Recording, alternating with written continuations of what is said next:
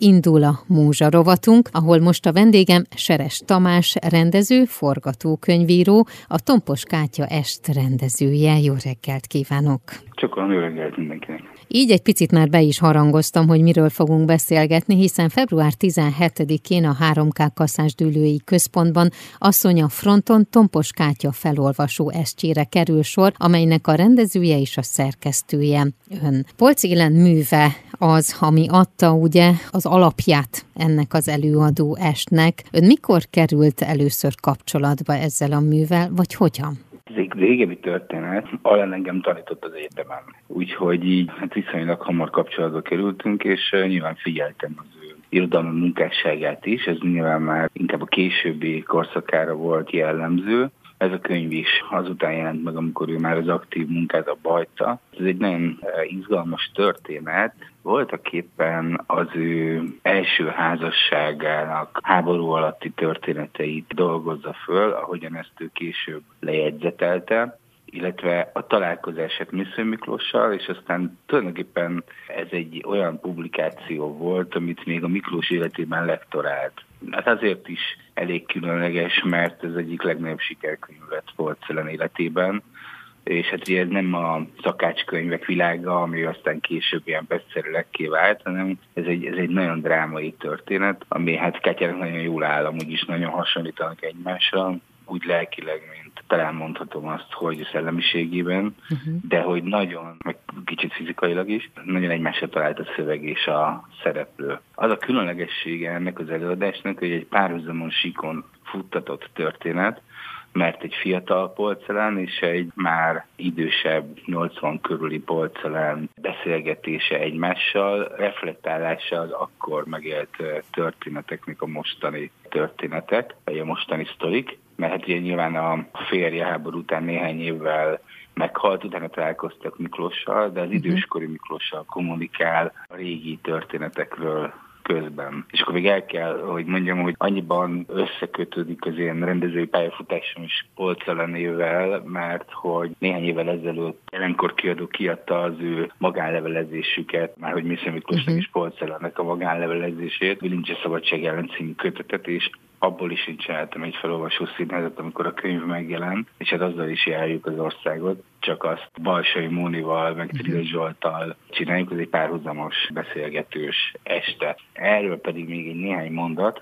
Igen már ez a kártyaféle estről, hogy a több síkon túl, még egy harmadik síkot még pluszban beleraktam, az pedig a fotósík, ami mögötte van, mert Polcelen életéből korabeli felvételeket kaptunk. Ezen kívül Mésző Miklós életéből is betettem mindenféle képeket, mint egy párhuzamosítva két életpályát. Tulajdonképpen ül egy székben, uh-huh. és két hangon szólal meg, és mesél Kátya. Ez a történet, de rendkívül lincselő, általában ilyen ilyen nagyon nagy csöndek vannak benne, nagyon finom pillanatok, amiket ilyen másodperces zenékkel szakítok meg, körülbelül 80 percre számítsanak. Igen, ezt akartam volna még megkérdezni, hogy vajon azt a történelmi kort, azt hogyan sikerült megidézniük, de akkor ugye a fényképeket azt hallhattuk, és a zene az is kapcsolódik hozzá, vagy ez olyan zenét képzeljünk el, ami egy picit megszakítja, megtöri azt, amiben éppen benne vagyunk lelkileg, hogy tovább az vigyen a másikba? Uh-huh. Az időugrásokat jelzem a zenével, ezek improvizatív harmonika szólók, mint egy ilyen színházban, amikor egyik színről átmegyünk a másik színre, úgy képzelje el, és egyébként nem nagyon kell a kort megidézni, mert ez egy folyamatos történet, egy naplózott történet, uh-huh az ő háborús története. Gyakorlatilag kronológiában megyünk. A kiszólások azok is visszautalnak arra a korszakra. És a nyilván a történet végén akkor jutunk el a Miklossal való kapcsolatához. Ez nagyon-nagyon izgalmas már, ahogy most mesélt róla. Már is folytatjuk a beszélgetést. A vendégem Seres Tamás, rendező, forgatókönyvíró. A Múzsarovat mai vendége Seres Tamás, rendező, forgatókönyvíró, asszony a fronton Tompos Kátya felolvasó estjéről beszélgettünk, amely estnek ő a rendezője és a szerkesztője, és amely a holnapi napon lesz látható és hallható a 3K kasszásdűlői központban. Most folytatjuk a beszélgetést. De bennem még ami, ami kérdésként felvetődik, hogy amikor szerkesztette ezt az előadást, mi volt az a vezérfonal, ami vitte, hogy az mindenképpen maradjon benne, és attól az íve megmaradjon, és mi volt az, amit mondjuk, most csúnya szóval, ez jutott eszembe, elnézést, kiesett, igen. Először egy száz oldalas olvasat volt, és aztán ezt összeolvastuk a kártyával. Önmagában kiugrott már egy pár olyan jelenet, ami, ami nem volt annyira erős. Ezért nyilván száz oldalon keresztül nem lehet a figyelmet fenntartani. Uh-huh. Tehát a, a kicsit a színes meg a töltelékből húztunk, illetve amikor redundáns történetek voltak, tehát amikor visszaismételt korábbi dolgokat, mert nyilván egy, egy beszélgetésben az ember felhoz korábban már olvasott történetet, de egy színezben ezt nem muszáj visszaidézni, mert hiszen néhány pillanattal ezelőtt látták, nem tudom én, egy héttel korábban olvasták. Ez egyik. A másik meg, hogy vannak olyan pillanatok, meg szituációk, ez egy ilyen alapszínházi törvény is, sokan használják ezt a kifejezést, szóval nem kell mindent elmondani, amit lehet érezni vagy látni. És egy csomószor vannak olyan szituációk, amiket a írásban az alán megmagyarázott, de az első mondat maga a történet az annyira erős, hogy nem kívánta a magyarázatot mellé, és ezért aztán azokat viszonylag könnyű szívvel megrepítettem, és akkor egyszerűen csak a végére összeállt ez a kb.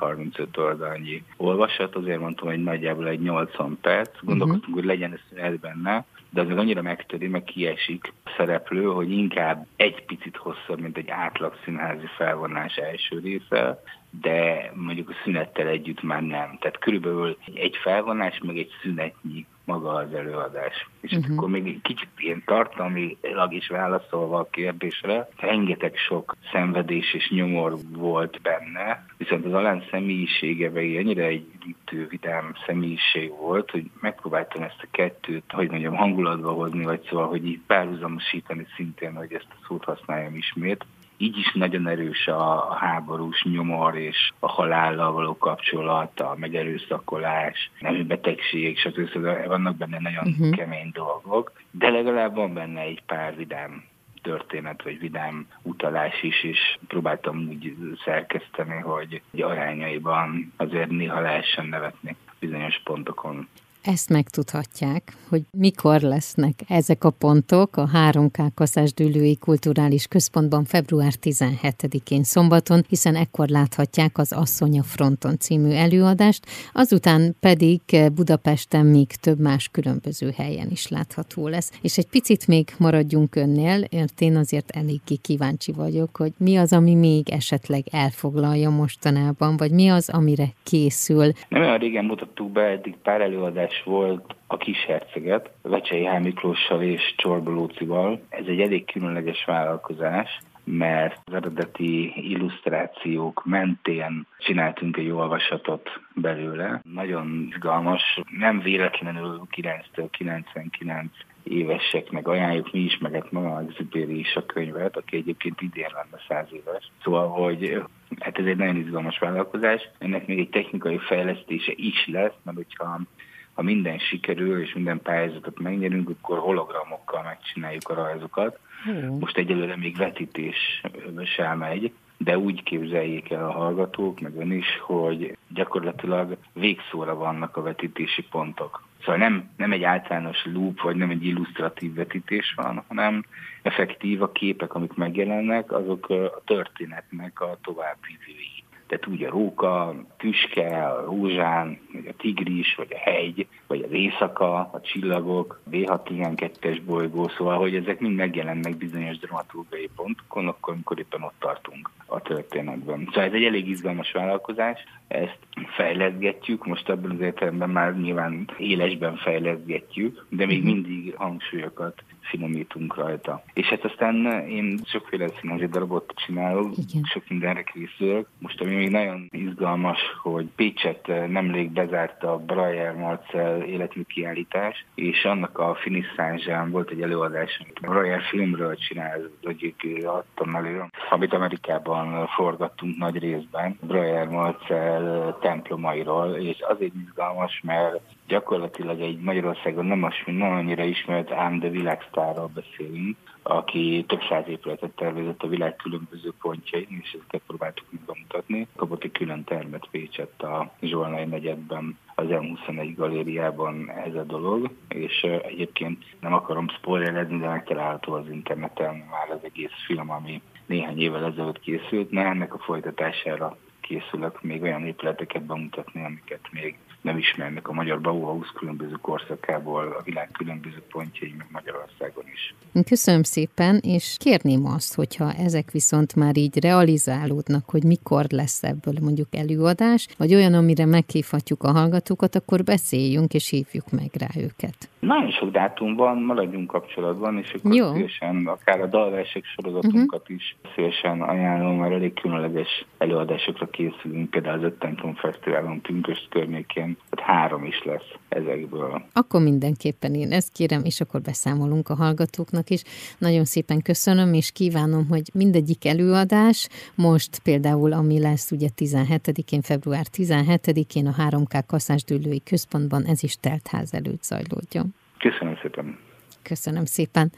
Az elmúlt percekben Seres Tamás rendezőt, forgatókönyvírót hallhatták a Tomposkátya Est rendezőjét.